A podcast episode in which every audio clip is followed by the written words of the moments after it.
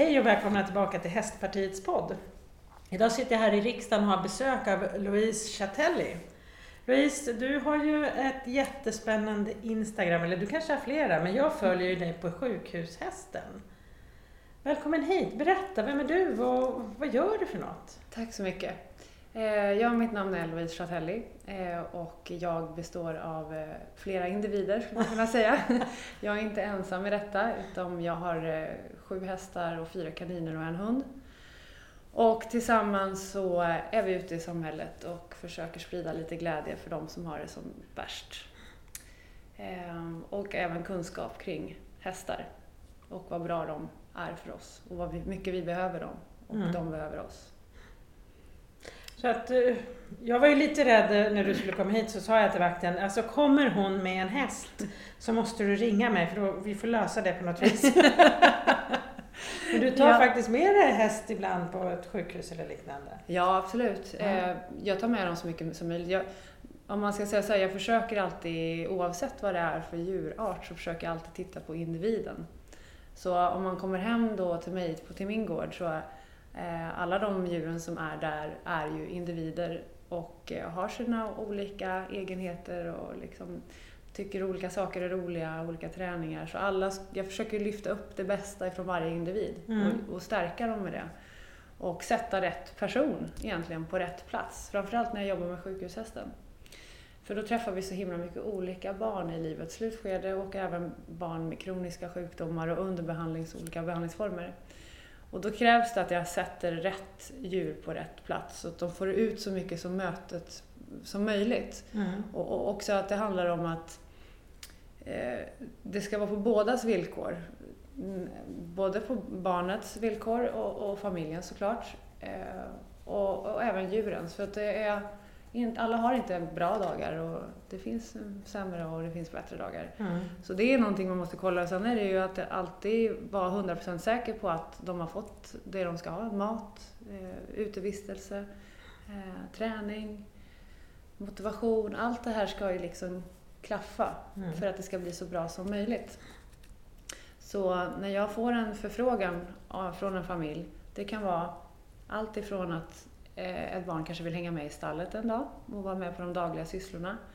Då måste jag också veta vilka funktionshinder vi har och eh, hur det ser ut runt omkring den här familjen för att kunna då anpassa alla de här möjligheterna eh, så att de kan få ut så mycket som möjligt av det. Mm. För det är det som man får det här välbefinnandet. För att när barnet är med och hjälper till och känner sig också behövda i den situation som den själv sitter i så är det väldigt mycket och vinna rent psykiskt också. Det är inte bara fysiskt utan det är psykiskt. Och att man rör på sig och att man eh, får en annan kommunikation med både djur och andra människor som har ett delat intresse. Det är superviktigt. Men de här sju hästarna som du har då, berätta om dem. Vad är det för mm. individer? Ja. Eh, vi har ju då den största jag har, Hannibal heter han. Han är en sjuårig, nej förlåt, han är tio nu. Gud, åren bara springer iväg, sju år, det var länge sedan. Han är tio år eh, hingst Lusitano, importerad Portugal. Mm. Um, Låter inte som någon uh, lugn individ som man tar med sig till sjukhuset direkt. Nej, precis. Det krävs ju mycket träning. Och det, har, det kommer till något som heter miljöträning och trygghetsträning också för att Hannibal måste kunna acceptera och hantera eh, olika situationer. Sen kan jag ju aldrig lita på honom såklart till 100 procent. Alltså det finns ju alltid situationer du inte har träffat och mött mm. förut. Mm. Men du ska, bandet ska fortfarande, alltså samspelet mellan mig och den här individen ska fortfarande vara så pass välslipat så att jag vet på ungefär vad som kan hända. Så jag kan förutse alla situationer. Så, så fort jag tar i hästen så formar ju jag hästen efter hur, vad jag tycker om mina värderingar. Mm. Och eh, det är väldigt viktigt att man har det samspelet när man åker iväg. Sen såklart så kan ju allting hända såklart med oförutsägbara händelser som sker ute på plats. Mm. Men man kan göra väldigt, väldigt mycket hemma, bara på ridbanan. Man kan ju träna med plötsliga ljud, du kan använda plastpåsar som kan vara skrämmande för en häst. Och det handlar inte om att hästen inte ska sluta bli rädd för den här plastpåsen, utan du vill ju ha upp den här känslan du får från hästen. Att du ska arbeta dig igenom det. Det bygger mm. också ett förtroende med hästen. Att okej, vi tog oss igenom den här grejen och han ska kunna titta på mig. Är det varning nu? Så behöver jag springa eller litar jag? Kan jag ta rygg på dig? Mm. Det är ju den man är ute efter. Eh, så Hannibal åker ut och har de här stora sjukhushästshowerna som jag kallar det för. Då Ja, men då tänker man, man omvandlar liksom parkeringen till en Disney-parkering. Så vi, har, vi, kan ha Disney, vi kan ha dansare och vi har olika rekvisita som rökmaskiner, bubbelmaskiner, Mm. mycket musik, vi delar ut nallebjörnar. Vi tar också fram eh, en liten show med häst. Vi kan visualisera ett sjukhusbesök med form av att han kan säga vart han har ont och svara ja och nej med att nicka och skaka på Mm. huvudet. Och ta, sträcka fram benet eller har ont i Jag måste få tänderna. vara med Ja. Jag kan vara Det kan sån bli väldigt- funktionär. Ja, absolut. Volontär, det letar Mm. jag alltid efter. Han visar också, har ont i munnen, har ont i tänderna får han flem, alltså ta upp överlappen och visa tänderna. Mm. Och det är väldigt upp, uppskattat för det är ju inte alltid jättespännande att gå på alla de här olika alltså läkarbesöken som de får träffa. Så eh, när Hannibal då är en patient och så kommer jag som mamma då så blir det ju hela väldigt avdramatiserat Mm. och det är en rolig grej också för oss allihopa som är där. Man glömmer lite bort i vad, vi gör där egentligen. Mm. Utan, Mm. ja, man lever verkligen i nuet som, som djuren är väldigt duktiga på oss, eh, duktiga för, Mm. för oss och tvinga oss att göra. Man kan inte stå och dagdrömma när man håller på med flyktdjur. Det, det ska vara där och då, liksom, där Mm. hela tiden. Så eh, det är han och han gör också mycket uppvisningar i min hästverksamhet i form av frihetsdressyr och rider Mm. ja, men utan sadel och träns och, och större hjälper och så. Eh, sen eh, nästa individ som kom in var miniskettisen Snöboll. Eh, han är då väldigt liten. Han är inte mer än 70-80 cm i bankhöjd. Så han är väldigt eh, behändig så för mig att ta med. Eh, om det är eh, till exempel en familj som bor i en lägenhet så har han lätt att komma in i hissen. Han är tränad till att åka hiss, han är tränad att komma in i trånga utrymmen utan att få panik. Eh, man har byggt upp det här förtroendet länge och testat mycket, 33 olika ställen innan man åker iväg. Mm. Liksom, för att verkligen eh, vara så säker som det går innan man kan börja åka ut. Sen har de den här grundtryggheten med alla de här rekvisitan som eh, rökmaskiner och, och saker som händer, hög musik. Även polisen har hjälpt mig med syrener, höga Mhm. syrener som kommer plötsligt. Ja, det har hänt flera gånger på parkeringen att det kan ha kommit en, en eh, födande kvinna i Mm, ambulans. mm. Då, då går det ju rakt och då står ju vi där så det då får det gå fort att flytta på sig. Liksom. Ja. Och det får inte bli den här paniken utan det ska gå bra Mm. ändå. Så Snöboll har varit väldigt bra till de här patienterna som har varit i framförallt lägenheter, Mm. men också i rullstolsbundna eh, och inte orkar gå så mycket. Då har han blivit tränad till att liksom gå jämt bredvid rullstolen och inte springa före eller springa efter eller springa in. De ska verkligen veta sin position. Mm. Mm. Så det har han verkligen varit bra för. Och han kan komma in i en lägenhet och sätta sig på en matta och liksom äta morötter, klä sig på i sängen och han har massa grejer för sig. Och man vill ju lyfta upp de här egenskaperna. Jag, vill ju, jag, jag älskar ju att se när hästarna tar för sig av sina personligheter Mm. och inte stänga in dem. Att, för vi människor har en tendens till att tycka om hästar som bäst när de inte beter sig som en häst. Mm.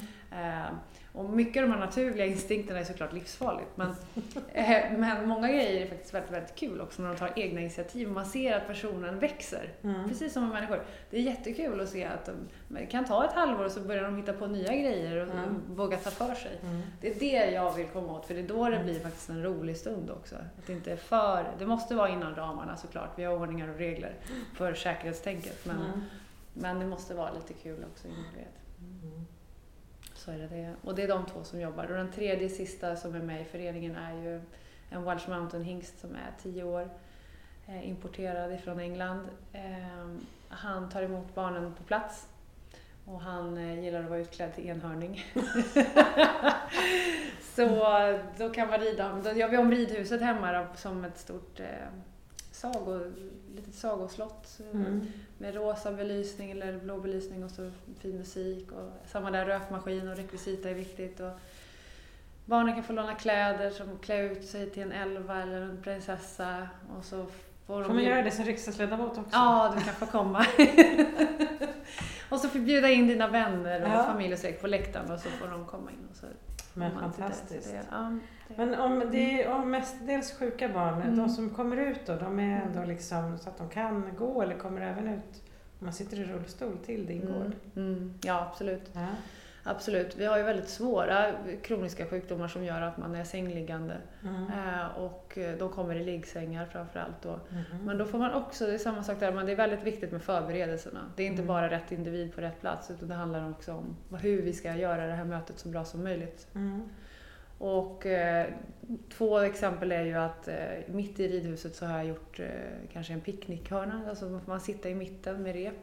Och där kan man sitta med kaninen Lillefot, som vi inte har pratat om ännu, och så hunden Chip. Mm. Och så jobbar hästarna med lite olika saker runt omkring. Gör lite trick och konster och, och får mata och så. Sen har vi även gjort så att vi har haft eh, middagsbordet mitt i ridhuset så att familjen blir serverad en middag Mhm. medan det pågår en hästshow runt omkring. Wow. Ja, så det är, det, det, det är bara fantasin egentligen som kan stoppa. Mm. Eh, och hästarna tycker det här är roligt. Alltså, de blir ju involverade, de känner sig också sedda. Det Mm. syns. Eh, de eh, taggar till och Mm. vill också göra sitt yttersta. Så länge det är på deras villkor såklart. Mm. Det är ju det. Mm. Men eh, vad säger de då när de är där? Alltså, har de varit med om något liknande tidigare? Eller? Nej, det, nej det, har jag, det är ingen som har varit. Ehm, och det är det som känns väldigt meningsfullt också, att kunna göra någonting. För att det här är någonting som jag har egentligen byggt upp en hästverksamhet runt omkring. Och att jag då tar min fritid och bjuder in de familjerna som Mm. sitter i den här situationen och kanske också det inte har ekonomin till att göra det här. Eh, känns som en självklarhet för mig Mm. att göra. Eh, Mm. Inga, Det är fantastiskt. Men du fick ju ett pris för det alldeles nyss. Berätta. Eh, Sörmlandsmedaljen.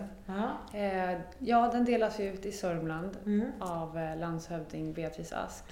Och det är så viktigt att de gör det här eh, för att det uppmärksammar eh, civilkurage och civilpersoner som gör saker för andra Mm. i samhället. Och eh, det var jag väldigt noga med att berätta när jag fick priset. För det första så blev jag, jag, jag bröt ihop när jag fick medaljen. jag, blev, jag tyckte Alltså det är var, det som en riktig det medalj? var, eh, Ja, det är som en riktig medalj. Men gud, Ja, häftigt. och så var det sån här motivation, eller vet du det, motivering när de stod med pappret och så läste hon upp. Och det tyckte jag var, det, ja, det känns ju som att de pratar med en annan person. Med tanke på att jag tycker att det här är en självklar grej så är det ju inte en grej på det sättet. Man kan ju inte stå där och verka som att man inte ens är tacksam, för det är inte det det handlar om. Utan jag vill inte ta emot ett pris för att jag hjälper andra människor, men däremot så vill jag gärna dela med mig priset till de Mm. individerna som är med mig och gör detta. Och då hade jag ju i min, mitt team tänkt att Hannibal då skulle komma in eh, precis när de gav över blommor och medaljen. Och precis när Beatrice gör det så tittar jag runt hörnet och då ser jag Hannibals öron sticka ut eh, ifrån sargen. Du vet, precis så för. Ja. Och då kom tårarna, jag kunde inte hålla Jag var inte beredd på det för annars kan man ju känna sådär innan, så här, gud nu måste jag bita ihop, det här är tungt. För det är tunga ämnen, det är Mm. tungt. Mm. Eh, men jag var inte alls beredd på det. Och när han kommer in och du vet, Beatrice frågade, eh, ska jag, ska jag hålla vet, blomman? Och ja, tack snälla, sa jag bara. Så, så satte jag medaljen då på Hannibal. Och eh, ja, så var det. Så det var, det var jättehäftigt. Mm. Och det är så viktigt att det kommer ifrån, ifrån landsting, eller vänta, landsting eller länsstyrelsen är det som kommer ut med ja, och insynsrådet. Och så, så att det kommer liksom att, att de ser att, eh, att det händer saker. Mm. Att de här ideella krafterna är viktiga Mm. och att vi inte klarar oss utan dem. Nu håller jag på med hästar och jag anser ju att det är viktigast. Eh, sen så tycker jag ju också personligen inte att det behöver vara en jättegrej det man gör. Det kan räcka med att man hjälper någon och går och handlar. Mm. Mycket det här man pratar om under covid-situationen. Mm. Mm. Det är egentligen någonting som inte ska hända under en sån situation. Det ska hända alltid. Det ska alltid vara så. Mm. Eh, och det är, ibland känns det lite meningslöst med, tänk, med tanke på allt som händer i världen hela tiden. Och det är krig och det som händer nere i Iran och allt det. Man tappar lite hoppet för mänskligheten överhuvudtaget. Men det är där man måste då inte tänka, inte bara fortsätta kämpa utan inte ge upp. För det är ju det det handlar om. Det handlar ju om att inte ge upp. Mm. Och ger jag upp det här, då försvinner ju den här delen som också kanske kan inspirera andra till att göra. Så man måste fortsätta i alla fall, fast det känns Mm. hemskt ibland. Att det... Och jag tänker kanske just de tiderna som du beskriver så är det Mm. än mer viktigt. Ja, Det precis. alltså, Ja. finns ljusglimtar Mm, eh, med tanke på ja, förvärrat säkerhetsläge Mm. och inflation och Mm. folk har inte råd att betala räkningar. Och, Nej, exakt. eh, så att det, det är väl fantastiskt. Jag tänker, om de nu Mm. har så mycket så tung sjukvårdsproblematik, har du någon form av sjukvårdsutbildning eller? Mm, nej, det har jag inte. Jag har varit inne på och eh, utbilda mig inom det nu, Mm. för jag kom in på spåret av detta. Eh, och det är egentligen på grund av mina egna förluster jag har hamnat i den här situationen jag är i. Eh, och träffar de här barnen. Jag själv Mm. eh, varit mycket inom vården Okay. eh, med nära anhöriga och familj som jag har idag på andra sidan som jag hoppas jag eh, kommer få träffa en vacker dag Mm. igen. Och eh, den tiden som jag har kvar har jag ju insett är så belånad. Och förut har man nästan tog lite för givet livet innan man började inse att det är väldigt kort tid vi är Mm. här och att man ska ta vara på varje minut. Och det är verkligen så. Man kanske inte riktigt förstår betydelsen för det innan man har varit i situationen själv. Och jag tycker att det är så med det mesta för oss människor, att vi har svårt att sätta oss in i situationer om vi inte Mm. själva har varit i dem. Mm. Det är väl så Mm. vi är lite byggda. Och självklart så hoppas jag att jag egentligen inte att jag hade några uppdrag överhuvudtaget för jag vill inte att sånt här ska finnas för någon. Det är fruktansvärt Mm. att få begrava sina egna barn eller såna här öden som folk sitter med. Eh, Men då kan man försöka i alla fall göra någonting Mm. eh, av sig själv Mm. och bjuda på sig själv. För det är det det handlar om. Jag bjuder ju på mig själv Mm. Mm. eh, som jag tycker är viktigt. Ja, det tycker jag är fantastiskt. Jag tänker, alla vi som håller på med hästar vet ju hur mycket gott eh, hästen gör. Jag tänker man Mm. mår bättre, jag kan komma jättestressad härifrån och slänga mig till stallet och ha världens huvudvärk och så efter 20 minuter så har man liksom glömt bort det Ja. för då mår man bra igen. Mm. Så att man borde verkligen få mer häst åt fler. Mm. Eh, Det skulle ju vara fantastiskt. Men eh, du berättade för mig tidigare här när vi pratade att du hade, du hade sprungit på en del problem. Till exempel när man ska åka färdtjänst Mm. eh, för att ta sig till dig då, om jag förstod det hela rätt. Mm. Kan du inte berätta liksom, vad tycker du hur man ska lösa det? Jo, alltså det stora problemet är ju när jag ska ta emot familjer på hemmaplan, som jag kan göra idag. Eh, Då får de ju komma dit och bo kvar en natt och så vara med i stallet ett par dagar. Eh, Det som är problemet är för dem att ta sig till mig. Eh, Det är inte självklart att man har en egen bil. De Nej. kan absolut inte ta sig kommunalt på grund av infektionskänsligheten på barnet. Mm. Sen så är det ju så att kommunerna och regionerna samarbetar ju inte så när de, de ska boka den här riks... Nu tappar jag ordet, vad heter den? Färdtjänst. Ja, riksfärdtjänst. När de bokar riksfärdtjänst så stannar ju bilen dit den kommunen slutar. Så då, då behöver det vara ett skifte och det är det som är lite bekymret för familjerna då. Då blir det helt plötsligt en, en situation som uppstår att bara ta sig till plats. Men då måste man byta bil då eller? Ja, så då, ja vissa, eller så får de ta taxi eller så får de ta någon annan lösning. Det har varit Mhm. olika lösningar på alla. Och det är inte de här, vissa barn kan inte åka en vanlig bil utan det måste vara en specialbil. Mm, mm. För just liggsängar och sånt. Så att de kan, det, det, det går inte för vissa. Och då, Mm. då får ju jag ta mig till dem idag. Mm. Men det hade ju också varit skönt för ett miljöombyte för en sån familj att komma ut till mig Mm. och få vara där. Eh, Och då tycker jag inte att det här ska vara ett problem som sätter... Och hade man mer samarbete regionerna emellan, eller kommunerna emellan, Mm. så hade det varit mycket lättare. När det finns såna här ideella föreningar som ställer upp med allting runt omkring det som vi inte får ihop i så fall, hur Mm. familjen ska ta sig från A till B, det ska inte vara ett problem. Men eh, ja, det är där man måste lösa problemet. Kanske få ringa in Svenska bilkåren. Ja, Bilkårister. Man Ja. tror att kanske ja. lösa. De verkar lösningsfokuserade. Ja, exakt. Det Men du, tar du även emot på andra språk? Eller måste man kunna prata svenska? Alltså, svenska och engelska och franska. Franska också? Mm, Ja. Exakt. Châtel, är det franskt? Tunisiskt. Tunisiskt? Ja, stämmer. Ja, exakt. Men det de hästarna pratar eh, svenska eller? Ja, det tysta språket. Ja. Ja. det tysta språket. Mm. Ja, exakt. Så det ja, vi har ju volontärer, så jag börjar ju få in en hel del volontärer som kommer och hjälper till. Och det är ju samma sak där, jag tycker om att ta in människor som gör det de vill. Om det är någon som säger att jag är jätteduktig på att laga mat, ja men perfekt, då kan du hjälpa oss att laga mat ikväll. Um, eller ja, jag är bra på att mocka eller städa eller mocka hagar. Mm. Alla olika uppgifter. Mm. Ehm, och så gör man det här tillsammans. Det är det som är, Mm. det är, det som är häftigt med föreningsliv. Mm. Och det pratas väldigt lite om. Ehm, man borde vara med, alla borde vara med i någon form av förening tycker jag. Mm. På sin, ta sin dyrbara tid någon gång ibland bara. Det behöver inte vara jämt. Dessvärre så ser man väl det i hela föreningslivet, det spelar ingen roll om det är en politisk förening eller om det är en idrottsförening, att föreningsaktiva minskar. Mm.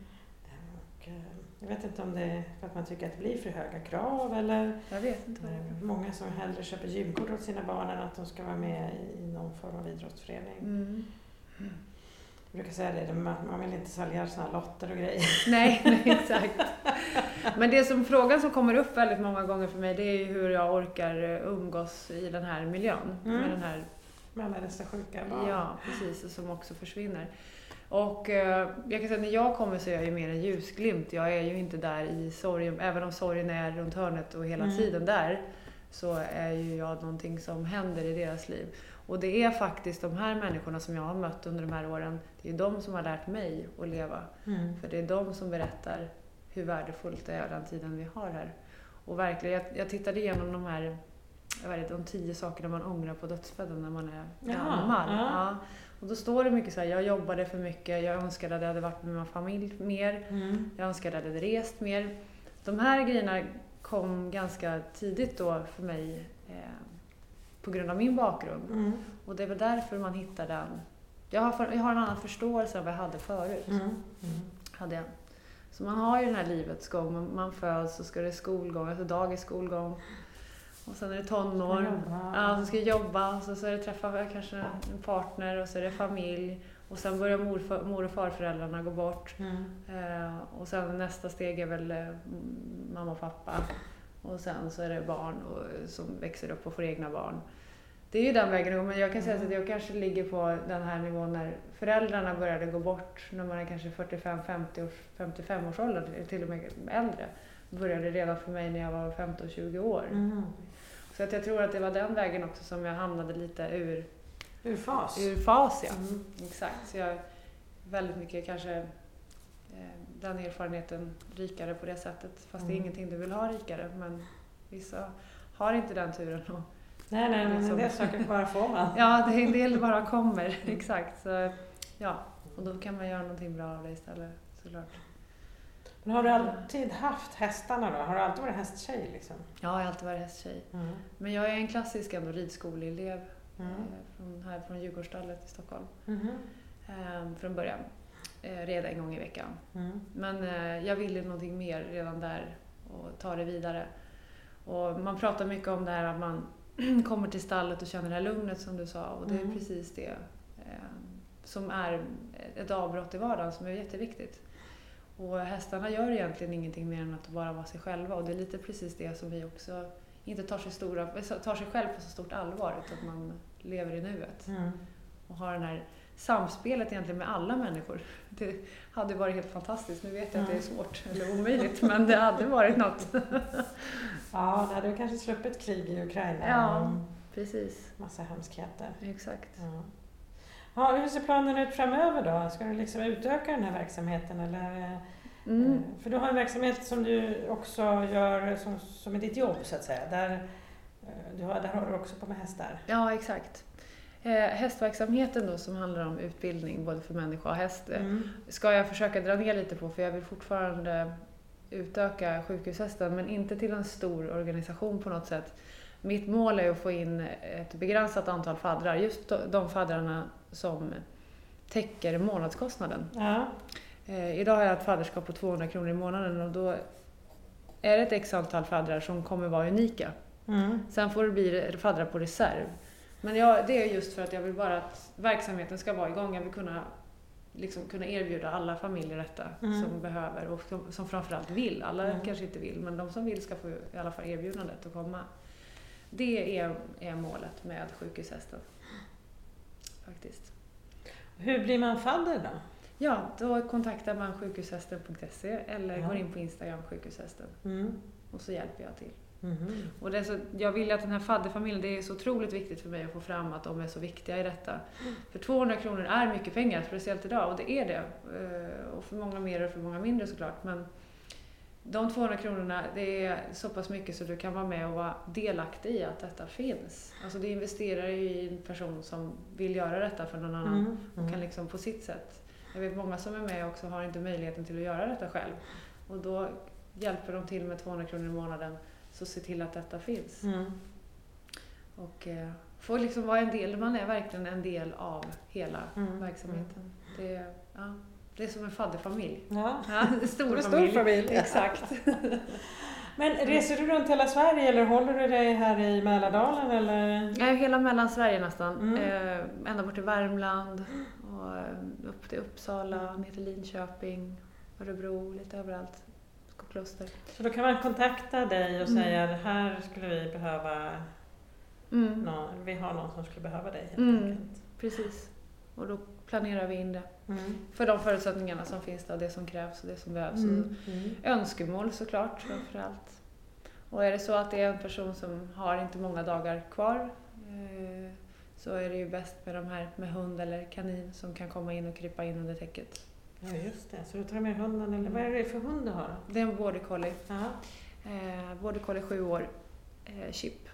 Eh, han jobbar mest inom den palliativa vården. Mm. Och sen så har vi även kaninen Lillefot, en Ja, som- dvärgvädur. Mm. Han skulle jag ha tagit med mig hit. Ja, innanför jackan Ja, så. exakt. Som ett öra som sticker ut. ja, gulligt. Ja, det, det måste du göra nästa gång. Ja. Komma tillbaka. Ja, exakt. Det hade varit jättegulligt. Ja, nej men Hanna också jobbar mm, sängliggande patienter Eller snöboll hade varit Ja, snöboll hade varit roligt. Ja. Ja. Ja, jag tror på dig. Jag kommer. Ja. Ja. Jag förvarnar vakten här nere. Ja. Alltså, vi, det är nämligen så här, vi riksdagsledamöter kan ju ta in gäster utan legitimation om det är någon som vill vara väldigt hemlig. Mm. Och då kallas det bara för person 1. Så det, "Eh, om det kommer någon då kommer jag ta en sån här person 1 till den här hästen. Det hade Ja, varit jätteroligt. Vi var inte riktigt överens om det där. nej. Men ja.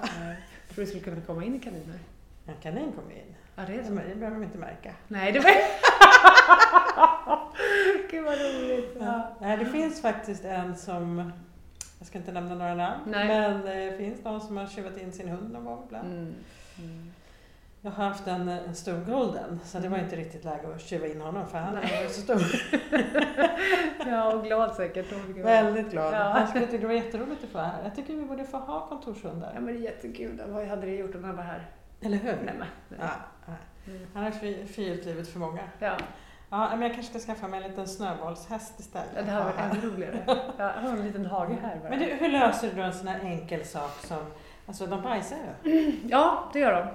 Eh, absolut. Men oftast i sin transport. Ja, ja. Och det är det som är, där har vi ju en helt annan grej då, men oftast eh, just hingstar gillar ju oftast att lägga på sin egen hög in i transporten.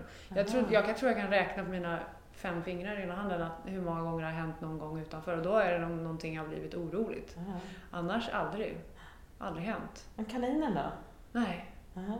nej och inte hunden heller. Nej, Nej, men hundar brukar ändå ja, ja, nej ingen har ju fostrade på ett annat sätt. Ja. Men sen såklart kan ju allting hända men det har Mm. inte hänt vad jag kan komma på sådär.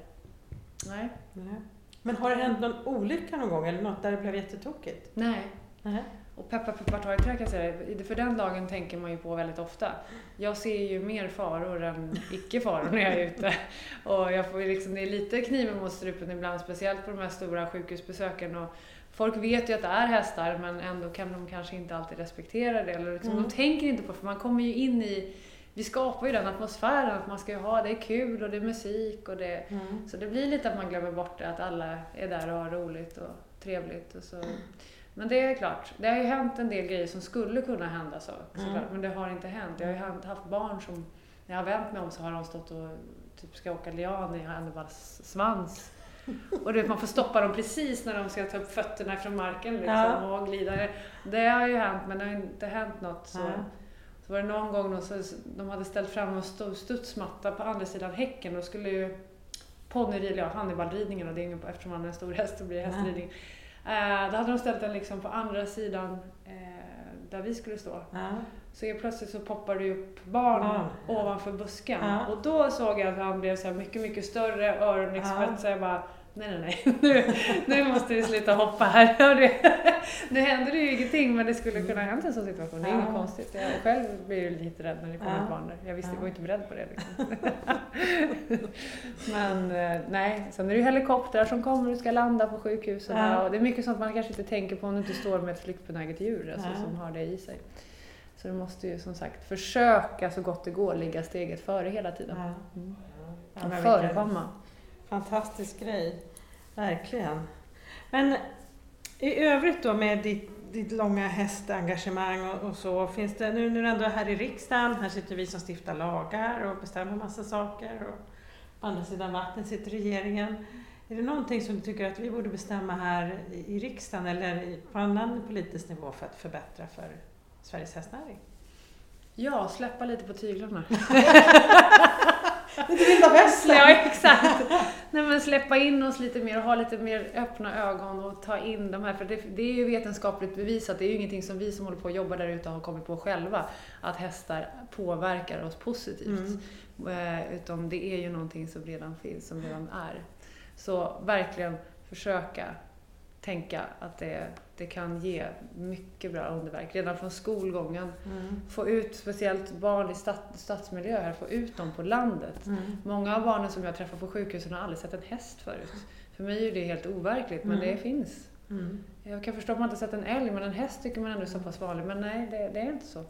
Och de vet inte ens hur de ska hantera situationen. Och få dem, som prao här till exempel, få, med, få, få dem ut och praoa på gårdar och mm. ta hand om andra individer och hjälpa andra individer. För det här är individer som behöver stöd. Alltså, de klarar sig inte utan dig. Mm. Eh, och få med det här ansvaret från mm. början och, och eh, medkänslan. Få empati. Det, det, är jätteviktigt. Och att man verkligen förstår. Mm att vi är här för varandra och inte ska jobba emot varandra hela mm, tiden. Mm. Utan, och det tror jag är med, och det kan man ta hjälp av, av djur, såklart på deras villkor också. Mm. Som jag alltid säger, det, de har inte samma röst som oss, de sitter där utan röst. Så ja. De behöver ju sina språkrör. Mm. mm. Men eh, det tycker jag. Mm. Det, ja, då får vi försöka lösa det då ja, helt enkelt. Ja, jag tror på dig som sagt. ja, ja, vi får se helt enkelt. Vi gör vårt bästa här i riksdagen. Nu har inte jag någon medalj som Beatrice Ask hade så det känns lite futtigt så här, men jag är ändå väldigt tacksam för att du ville komma hit. Tack för att och för er som lyssnar, gå självklart in och följ Sjukhushästen på Instagram och eh, ja, bli fadder tycker jag. Mm. Ja. Bli fadder ja. Var med och skapa detta. Ja, fantastiskt. Tack snälla för att du kom. Tack. Och till er som lyssnar nästa vecka hoppas vi på att det blir ett nytt spännande program av Hästpartiets podd. Tack för idag.